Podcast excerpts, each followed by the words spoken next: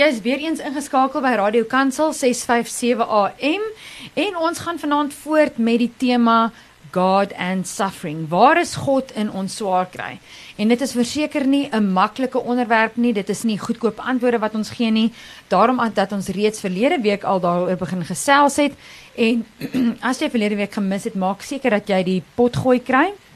Dit is op ons webwerf. John welcome again into the studio and uh, for sharing your heart on this very sensitive and important topic. Thank you. So we ended off on a cliffhanger last week, and uh, want to carry on where you stopped by saying that Jesus, when he came, he entered into our world and also our suffering.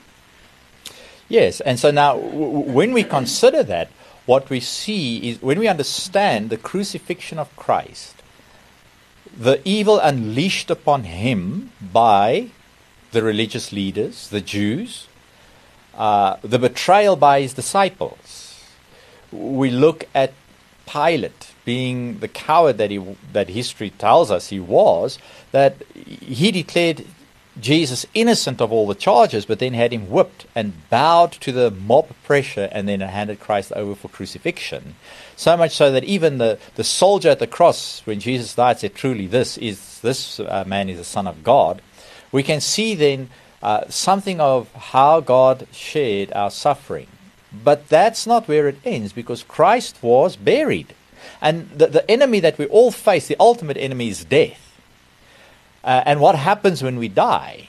Um, it, does my suffering matter? Do I matter? Does every if I've lived a life and it's only been hard, does it matter? Well, we see when Christ is raised from the dead, the way he identified himself to Thomas, if you read John 20, was through the, the body that was mm. on the cross with the wounds. Uh, we see in Luke 24 when he stood in front of them, they thought it's a ghost. So this thing of apparitions was it, it, it, was common in the first century AD in the world in which everybody lived. But Jesus said, "I'm not that," and he showed them the wounds of his body. Now, what is so fascinating in the whole account there is that Jesus goes back to those who at the last minute also abandoned him to his hmm. suffering and fate and he goes and he calls them back to himself. And, it's most important there. He calls them back to himself and he calls them back to each other. And that is something that we that is so important to recognize. From that point on is where we see the whole rest of the New Testament unfolds in that Christ is Lord of his people. He's the boss, not me. We are to be servants of one another. We are to live in submission to him and in love and service and kindness towards each other. And it's as I come to Christ, and if I've been hurt, whatever pe- evil people have done to me uh, outside of Christ, God want, asks me to forgive them, and that He's going to deal with them. Mm. Um, because the gi- forgiveness He gives me is that uh, is the exact same that He will give for them, but I deserve judgment and punishment for my own wrongdoings. So, you know, he, wants, he, he calls upon me to forgive. And then in me forgiving them, Christ, having been raised from the dead, calls me into community where it is through the loving embrace of fellow Christians and encouragement with fellow Christians that we then get the, we are surrounded by a community of love, support, prayer, encouragement, and care to enable and empower me to extend hmm. forgiveness mm. to others, to allow uh, uh, God to deal with them, but to experience the healing that I need mm. because of what people have done to me. And so, uh, you know, I'll be honest with you. Um, I, I, God saved me outside of the church. I didn't grow up in the church. And one thing when he did save me is I really longed to be part to to be uh, part of a Christian community, to have Christian friends and so on. Uh, and I'll be honest, that never materialized. I uh, my my Christian walk for many years was a lonely uphill battle. First of all, because I did not experience from fellow believers the love and the kindness and the compassion that saw me just for who I am and affirmed me for who I am and even sought to understand my struggle, my, li- my, my, my life story, and, and even helped me to rightly interpret it. So that, that, that was a, a real struggle. Instead, I was expected to perform. Mm. I, I felt this in the church. I was expected to be something which I didn't know what, while internally I had all this pain and anguish from a broken childhood. Um, Christian leaders, uh, I mean, I yeah. Uh, all I know is Christ saved me, and because He died for me and saved me is the only reason I did not leave the church. Because the way I have been treated in the past uh, is unbecoming of, of, of uh, a brother in the Lord, brothers in the Lord, Christians to do that. But then on the other hand, there was the other side of it too. Being in that community, I in turn judged other Christians. I, I had spent all my free time reading the Bible. I could quote the Bible backwards and forwards from Genesis to Revelation. And then I found other Christians who were actually very kind, gracious, humble people. They never read the Bible as much as me, but they had a more Christ like spirit about them. But I judged them because they didn't know the Bible as I did. And so, right there, I immediately found within myself, uh, God started alerting me to this you're proud, you're arrogant, you're becoming self righteous, and I'm going to resist you. Which just then, that accentuated the struggle and the pain until I was willing to trust Him and yield to loving Christians who I initially judged, who would then actually love me for who I am. You see, and so yeah, then is that other side of of, of um, what, what what we how we cope with this, uh, and there is this thing in us that we need to, as much as what somebody has done something to me that has hurt me and wronged me, stuff outside of my experience or outside of my power to control. They, they did things that were really hurtful. Um, well, it is through people hurt me. It is through people that the loving hands of Christ embraced me. Because they would listen to me, they would cry with me, they would talk to me, and I would have to ask forgiveness for my own ungodly responses to them, to what things that I'm struggling with internally, whether it was anger or, or frustration or even uh, uh, sexual lust and all of that as means to escape the pain. Those were my coping mechanisms. I had to be honest about that and allow people in to come and love me and encourage me, but they also had to rebuke me where necessary. Sure. You know, so uh, the, the, the church is God's means of assisting us through it. A- and as much as what we as God's people have failed, I, I don't blame anybody, but I have I've taken it upon myself to say, Lord, I want to help people then that go through what I've been through. But I've also realized something: not everybody wants the help. No. You see, and that's the difficult thing. So let, let me just give you some things that we need to embrace as part of the healing process. And this comes fr- uh, straight from Timothy Keller's book, which I think is brilliant. He says, "Weeping." Uh, over the years, I have. I'm not. I don't get insecure when other people cry. Um, it's. It, it, it's people must be free to weep. They must be free to sh- to cry, sob uncontrollably when they are carrying anguish of soul. I, I mustn't I mustn't tell people to stop crying. Uh, I must leave people to pour out their soul Yeah. as much as what they can, and I must be okay with it, right? But I, I find you know there's been times where people I've seen this uh, tell the person to stop crying, they're disrupting the meeting. And I'm like, no, no, you don't do that. It's great that people find they've got that freedom in that moment, right?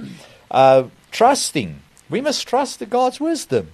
And we can only do that when we are part of a, of a community where we know that we are loved and that I can say that I'm struggling here. Help me, encourage me to, to that I can trust God because at this point I, I don't feel that I can. And then others can gather around me to trust on my behalf and build me up until such time when I also then open my heart to say, All right, God, I'm going to trust you. Oh, it's so important thing that you are saying uh, because we spoke earlier off air about uh, being disappointed in God and and when we are disappointed, I mean it's it's it's okay when you're disappointed with your neighbor. It's Yeah. alright. You can you- you'll just get over it, you know. And with your husband, you'll forgive him and carry on. But when your disappointment is with God, um, it might be because you have a perception of Him or you had an expectation that He will come through for you. Maybe because of what you've been taught in church. You know, you quote your five scriptures and uh, you you prayed through and waited for the root to be revealed, and the Lord didn't reveal any root, and you feel stuck. Now, with that, in, that's now on the one hand that I want us to uh, look at, and then the other side of of Paul. I mean, he's he's a such an inspiration. I mean, he went through hardships that we cannot comprehend. Um, the three times that he also was uh, wat is daai wat Jesus gehad het, hy was ook geslaan. Um, he, he was shipwrecked. He, I mean, he went through many hardships.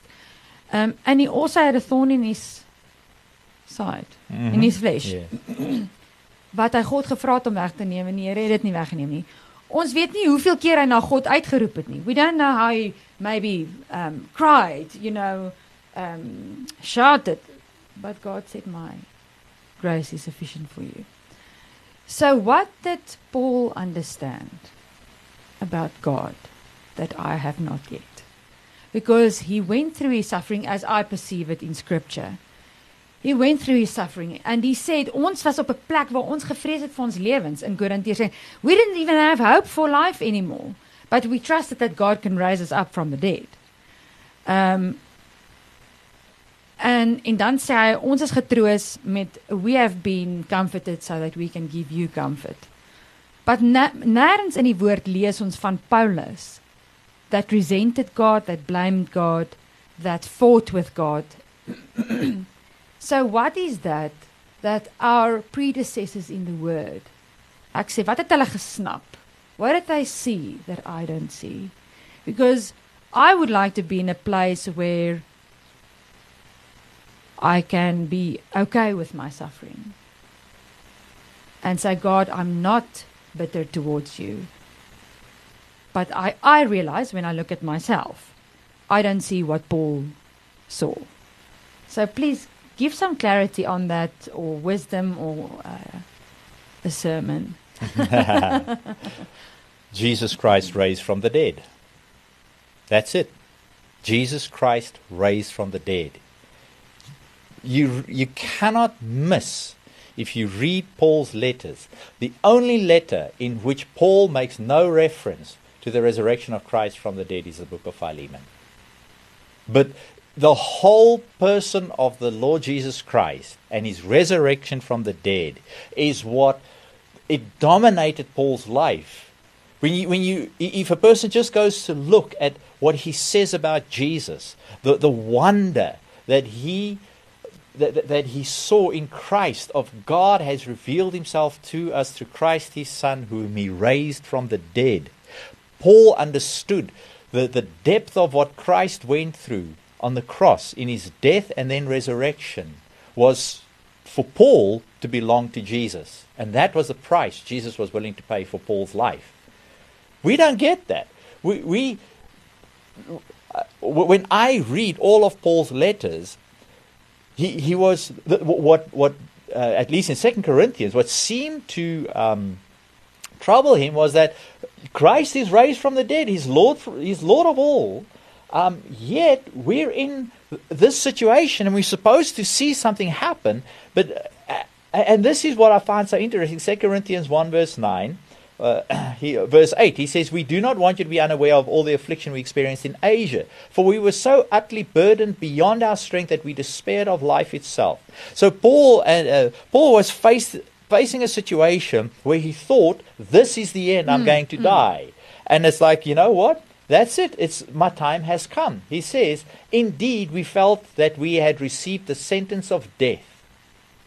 But, you know, we missed the, the next. He says, But that was to make us rely, be dependent on, to trust on, uh, not on ourselves, but on God who raises the dead. He's the God that raised Christ from the dead out of the tomb. That is the one in whom Paul trusts. And the question is are we trusting in the one whom God raised, that just as He raised Christ from the dead, He can raise me from the dead? And the thing is, we are not you know, I, I've often said, you know, when people, when we get into theological um, debates that are rather unkind, and people come with a kind of attitude of, I have seen something that everybody else must know. I've done this uh, to some people, uh, to, to, somebody specifically already. They came and they wanted to tell me the whole church is wrong theologically. You know, it was just unpleasant spirit in which they came to speak. And I asked them this question. I said, tell, tell me about Jesus. It's all I want you to do. Just tell me about Jesus now. They looked at me bewildered and they said, well, well what about Jesus? And right there showed me something of this person's heart attitude towards Christ. They were not in love with him. They were not enamored and overcome by the wonder and the majesty of the Lordship of Christ. That these great things that Paul writes about Jesus when we read Ephesians chapter 1, what he writes about Jesus in, in Colossians chapter 1, when he tells us about how, how Christ was revealed to him. Uh, you know, I read that and I'm just seeing in all of Paul's letters a man who loved Jesus. And the most fascinating thing is this about Paul, it struck me not so long ago. Paul speaks of the church as son of God. We are sons of God. He doesn't speak of the church as a servant of God but he speaks of himself in his own mm. personal capacity as, a servant. That was an identity he voluntarily chose before God. And we, we you know, that, that is a, and when he says that he's a servant, he means I've got no rights of my own. I, I belong to nobody but my master who is Christ. What he says, I do. He did not stand on this thing of, well, he's a son of God, he's more than a conqueror, he's a victor, he's all of that. He, he decided, no, what Jesus did for me is so overwhelming. I'm not even going to speak of myself as a son, but a servant because I love him so much. You see, so there is something that I see that, that, that Paul understood about Christ and that dominates the whole New Testament from Matthew to Revelation, which I, I think we are missing because we do not exalt and extol Christ as the scriptures do and is what is said about him. So from there, uh, th- that is the one thing that I definitely think we are lacking. The other thing, though, is this, which you mentioned. We would read the scriptures and think, well, oh, well, Paul went through all of this. We don't realize that sometimes the hardship and the difficulty we are going through is exactly that which the scriptures are speaking about. But the experience, the personal experience of what scriptures speak about, in terms of the, the confusion, the, the, the despair, is not as pleasant and as romantic as when we read it in the Bible. Because when I go through it personally, I have to face that, wow, in this situation, Paul, Paul probably felt like this too, but he didn't despair. So what did Paul do? He turned to Christ in worship, in love, in adoration. And as difficult as what I'm experiencing things now, then I would make the same decision. Mm. And and that is one thing that over the years I've found for my own life to to overcome darkness of soul, internal turmoil and pain and disappointment and all of that is always to come back to worship of Jesus because of how amazing he is. Mm. And the more I've worshipped him, you know, it was coming to God and saying, But you're my Father, and that you would love me. And then I look at Christ, and I see in Christ, and I look at who He shows you to be. That, that sense of adoration it's not allowed necessarily jumping up and down. Um, I personally prefer the, the, the early church father mystics of the early church, uh, the desert fathers, um, the hermits, and their that private encounter with God. That that to me is a spirituality that I associate with on an experiential level very mm. much. Not not everybody does. My wife doesn't at all. Me neither. but I, I, have found in that, and in, in, and in some of their writings, and in some of that poetry that I've come across, that it, it, it stirs my emotions and my feelings and then my imagination to understand something of the depth of what Paul is saying about Christ. There you go. I'm, uh, I'm still uh, chewing on what you are saying. Um, yeah, the thing is, I, I think sometimes when we look at uh, Paul and his life and his suffering, I look at that and I think, okay, but Paul, you suffered for the kingdom, you suffered for the gospel. He suffered because he was um, presenting the gospel in a place and the people wanted to stone him.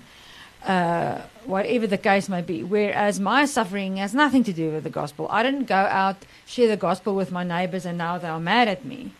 You know, um, I have a different suffering, a suffering of walking with depression. Um, other people have a suffering of walking with cancer. And when you look at your own suffering, um, it doesn't look like something for the kingdom because it's not directly I'm preaching the gospel and now I'm getting battered for that. So you want to make sense of the suffering that you are going through. Um, yeah.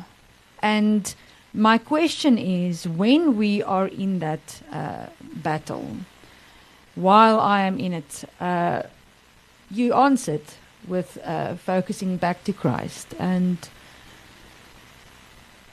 yeah, and um, and let Him be the comfort. Let me just pick up on your question, on what you are saying there, uh, and that is very important for us to keep in mind. Paul understood that he belonged to Christ. His life was in the hands of Christ. Whatever happened to him, he was okay with it. Um, everything that he did was for the, the, the, the, the, the honor of Christ, the protection of the gospel, whatever he went Yeah, through. for the kingdom. Right? But it's interesting who imprisoned Paul It was the Roman Empire. He was arrested by the tribunal in Jerusalem when you read the book of Acts. He was then imprisoned by uh, Festus, uh, uh, uh, uh, Felix. Um, uh, I think it was Festus wanted a bribe and he would have let Paul out, and Paul refused. He wasn't going to bribe him because the charges were false. So Paul actually spent, it would seem, at least four years in prison because he was not prepared to pay a bribe. Right? You know, and then look at the prison epistles. Who imprisoned him? The Roman Empire. Nowhere does he say, Paul, a prisoner of the Roman Empire. Is a prisoner of Christ or is a prisoner for Christ? So, you know, that just speaks volumes to me is that, is my life truly His? Is He Lord of my life? Then, if I'm going through whatever situation, I will carry whatever I go through in this world for Christ because I'm His son. I'm, I, I'm a son of my father. And whatever lot I have in this world, I will bear it for Him because He's the one that fills everything in my life with purpose and meaning. And yes, He can change things immediately. Uh, you know, I can tell you stories of what God has done for people, and it's never the same every time when they face difficulty, hardship, or a crisis. One. Two, it's not always the same for every individual. God knows how to teach us about Himself. Now, if I'm His son, whatever difficulty and hardship I go through, I embrace it and I say, Father, I trust. Help me in this. I don't know what to do. I don't know how to walk through it. I don't know what is the right thing to do. I don't know what I'm going to do. But I will obey whatever uh, you, you would show me to do. And whether I'm reading the scriptures and I discover something, or I get that locution of the, the Spirit of God speaking to me, it would be that I need to obey that and do that. And trust Him that He is intervening for me and under- undertaking for me. So, for us as Christians, we need to realize that that you know sometimes there are things in our lives, whether it is endeavors, whether there is self-inflicted hardships and difficulties. If it is self-inflicted, and the Lord shows me that I made rash choices and decisions that have brought difficulty, I need to repent. Hmm. There's no getting around it to blame anything except to say that was me. Where there are things that people do, then I can, again, I must seek wisdom from God. Do I confront? Do I walk away from it? Uh, or, or are there ways in which I need to respond? And I must do it accordingly because those things are there under the, the lordship of Christ. Everything in my life is filled with purpose and meaning because He's my Lord. Now, if He's not my Lord, well, then for who am I carrying what suffering and going through what hardship? Uh, what? Because life sucks, because I want my own way, because I'll go through whatever I need to do in order to get what I want? You see, and Paul had this view that no, everything, everything that he went through was under the lordship of Christ and he would embrace it for the sake of Christ. Now, we would then read, you know, and, I read Second Corinthians chapter uh, 10 and following, and I think, and I thought about this. Paul came to know Christ around about 30, anything from 32 to 34 AD. The dates aren't exactly clear. He wrote Second Corinthians approximately 52, 53 AD. And what he's writing of what he went through in 53 AD is less than 20 years' experience of life. Less than 20. Hmm. Now, I, you know, I've read stories of people going through hardships over a life of 40, 50 years. Yeah. Paul went through more in hmm. less than 20 than what we go through sometimes in a period of 70 or 80 years. You see, mm. and, and, so he understood something of Christ's lordship over his life that we are missing, mm. and we don't. We, we, we don't. We, we, need to stop and ponder deeply about that. It, Lord, is this is this part of your hand at work in my life? Are you using this? Are you using this for self-examination? Are you using this to teach me humility? Are, are, you using this for me to love you more because there are other things that I love more than you?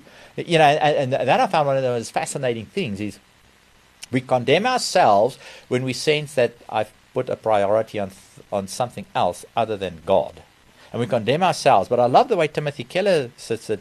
Uh, or states it is that we must reorder our loves. It's not that I must love less or, or what I'm enamored with. I must love just start loving God more than that.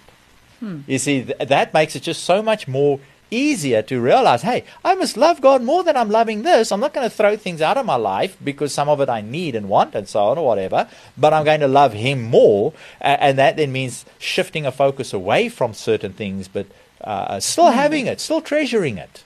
But I look to Him to begin to love God more so that it's what the Lord is calling to me and what His hand is giving me that I receive, but I've been disciplined because my loves have been not ordered correctly. So when when you uh, have a person uh, with you for um, ministry or um, what is it, berading? Mm. Um, say, for instance, a situation where uh, you are you have been suffering and now you're dis- disappointed disappointed mm. with God. Um, how do okay? What is the what is the missing piece there, né? Nee? Want daar's 'n missing piece ergens. So mens uh, jy stap jy stap 'n pad saam met die Here, jy gaan neer swaar kry and then someday you're disappointed with God. Um is there a missing piece there? What what do what do I or the listener whoever can identify with the situation? What do I not see?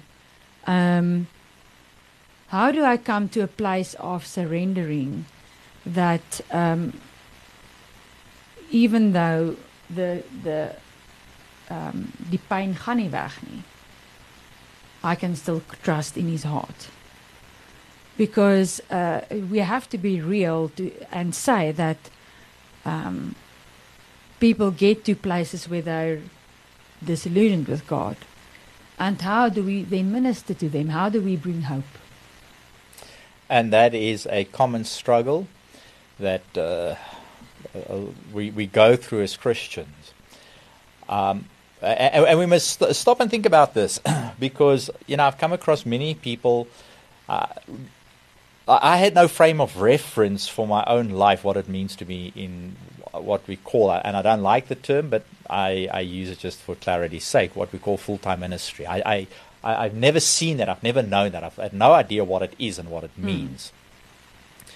And so, recognizing then that I wanted to serve Christ in a specific way, which I didn't know how, uh, I, I, I, started forming preconceived ideas of what I thought it was, and I was disappointed again and again and again. And, and then I began to realize, as I would speak to the Lord about this, I realized that I paint a picture of the ideal in which I am central.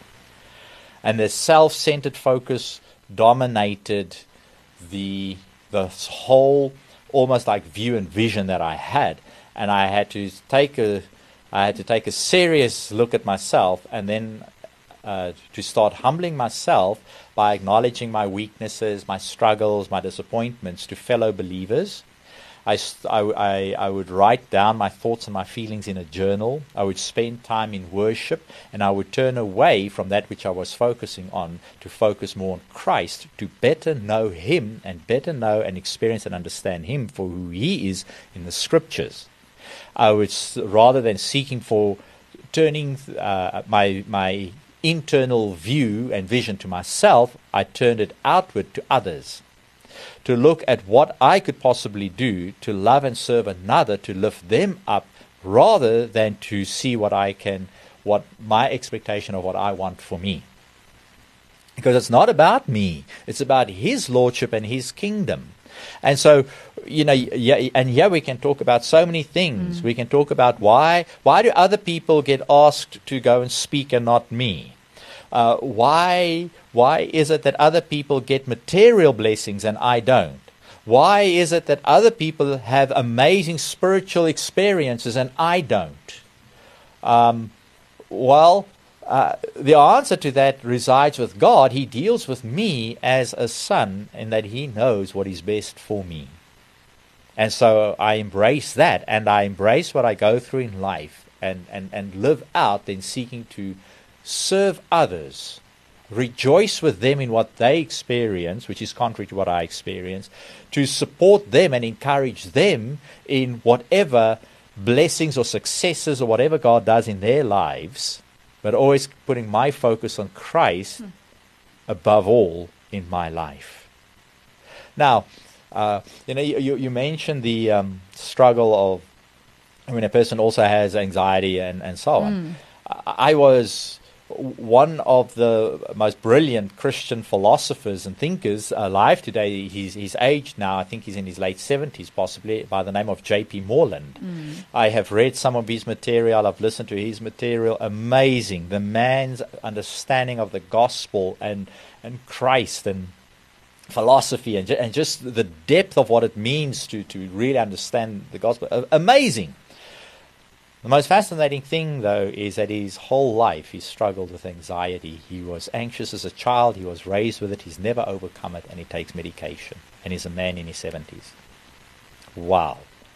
You know, things like that have not hindered him in his gifting, his calling, and his passion. Why is it that many times uh, uh, we, we look at people that are carrying a certain burden in life? And, and let's be honest, some of it is a cross. It's a cross that God, that Jesus says, pick up your cross and follow me. Uh, unfortunately, you know, I've had this conversation with people. Somebody, uh, somebody one, one day said to me, "Well, they don't know the price that um, they pay to actually come and be part of what I'm doing." My response was, "Well, uh, you don't know the price I've had to pay to be able to do what I'm doing. What are we going to now compare burdens and scars and battle scars and all of that? No, that is immature. That is fleshly." we need to we need to follow Christ in the sense of the personal capacity of what are the responsibilities or burdens I must bear. And I must make peace with that. And I must carry it for him, for no other reason. What people might think about it, well, that's between them and the Lord. Um, I will just be part of a community where people love me for who I am and encourage me for who I am. What is amazing uh, that you're sharing about J.P. Moreland is that uh, he didn't uh, decide that he'll only be a witness for God um, if he stops with his medication or if he's free from anxiety. Because sometimes we think that being free from that gives me the authority to speak. Uh, then I can tell the story because then it's gone, it's in the past, you know, I've had the victory. And um, when you tell me this, I assume that he took his focus off of his pain. Right. And obviously, with God's amazing grace and help, because sometimes you can get so wrapped up I can get so wrapped up in what I'm facing, what I'm feeling, what I'm thinking, what is this again in my body that that's the only thing that you think about uh, in the day. Right. Uh, but with God's grace, it can be changed. Yes, and, and I, I, You know, uh, I, I think it is so um, unfortunate that we have this idea that we must experience the world to come here and now. When the New Testament scriptures are very clear, we will not experience the unsearchable riches of Christ that God has for us in the next life all here. We get a foretaste now. We only get the full inheritance in the, the resurrection mm. at the end of the age. And we think that you know everything should go well now. No, we are living in a world that is fallen. Sin has impacted everything, even the material order. And so, so we need to realize that there is a. We must live now with the knowledge that we must carry whatever burden now is preparation for us to get an eternal inheritance in the life hereafter. So uh, uh, we have this sense of a, tri- a triumphalistic gospel that means I should never get angry, sad, sick. Um, I should, you know, bad things should never happen to me. Well, I'll be honest with you. I learn more from people that go through difficulty and hardship, yet they pursue Christ in the midst of it, and it doesn't stop them from obeying the call of God on their lives. It doesn't stop them from actually being the light of uh, the, the light of Christ in this world while they carry difficulty. People that everything just always goes well with, that everything is fine, they never have any problems. I can't relate to that because that's never been my life. It's still not my life. So I don't relate to that, one. Two, I, those people don't understand my struggle. Their encouragement to me is rather blunt and uncaring. Mm. Now I was there because I thought life should be like that. Now that I'm a Christian, as I, you know, fortunately, a, a, part of my journey on my my in the kingdom of God was taking a detour in some theology that is just false. Um, that everything should be okay, um, but that's not true. It's not true for most Christians, and so uh, many people walk away from the church bec- and they're disillusioned because, as a community, we don't know how to walk with those that are broken and in need, those that do need support, those that do need encouragement. We don't know how to walk with them. We don't have grace for them. We don't have patience for them.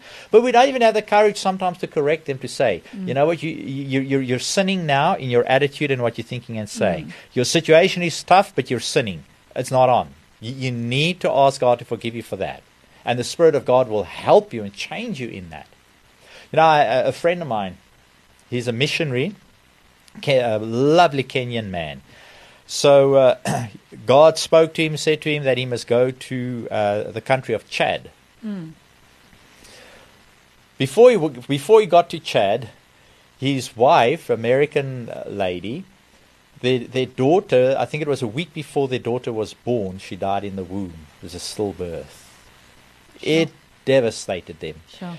They so their, their, their daughter was born in Nairobi, Kenya. I think they buried her there. they later on went back to the U.S. Went to a specialist there and took the files and explained, and the doctor said there's nothing anybody could do. A, a, a vessel burst in the umbilical cord, and she died in the womb. And I asked him about this. And he said, You know, John, for six months I walked down the streets of Nairobi. And I would look at these children on the streets. I'd looked at how people treated their kids. And he said, I, I was like, God, look at them. Mm. They, don't, they, they don't love those children, but I can't have one. And he said it was difficult. Mm. He says, and so after six months, one day he, he sensed the Lord saying to him, Adopt a child. And it was difficult. so he and his wife went ahead, adopt, uh, adopted a little boy who was abandoned. Then she fell pregnant. and they had another child. So they moved to Chad. While they were in Chad, the younger, uh, I think it was the youngest one, got tonsillitis and malaria at the same time. And so, yeah, they are. And he said, John, I went to the doctor. That's where I learned to speak French.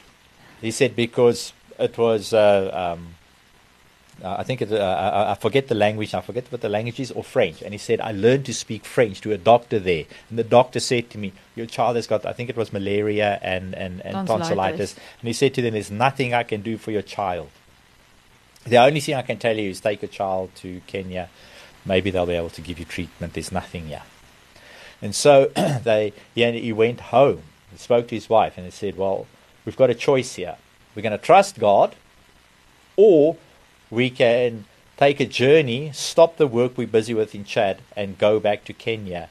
But the time period that the doctor gave for the, the, the length of time in the journey to Kenya, that by the time they arrived No. there, the child would have died before they got there, or they could stay here and trust God and see what's going to happen. And they stayed, and God healed him. Wow. I mean, okay. Sure. So does that happen for everybody? No, No. but they already lost the child. So they are faced with, you know, Trusting God again, Uh, can yes. happen? and you know the most amazing thing? They got four children. The children have grown up, and God has blessed them.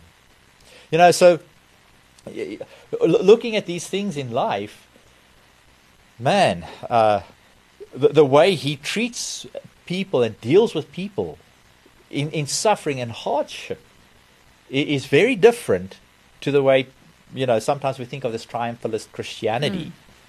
But he's reached a nation with the gospel of Christ and building a university with nothing except God gave a promise. You know, so yeah, th- this is the complexity of life that we need to just listen to the stories they encourage. I I can relate with that. Yeah. I don't relate with the people that never have any struggles. So, a last minute, really last minute word of encouragement for our listeners on this sensitive and very important topic. What do you want to leave with us? I would say to uh, Christians, however you're going to view this, think through what you understand the gospel to be claiming, and however you want to deal with it, see it through to the end.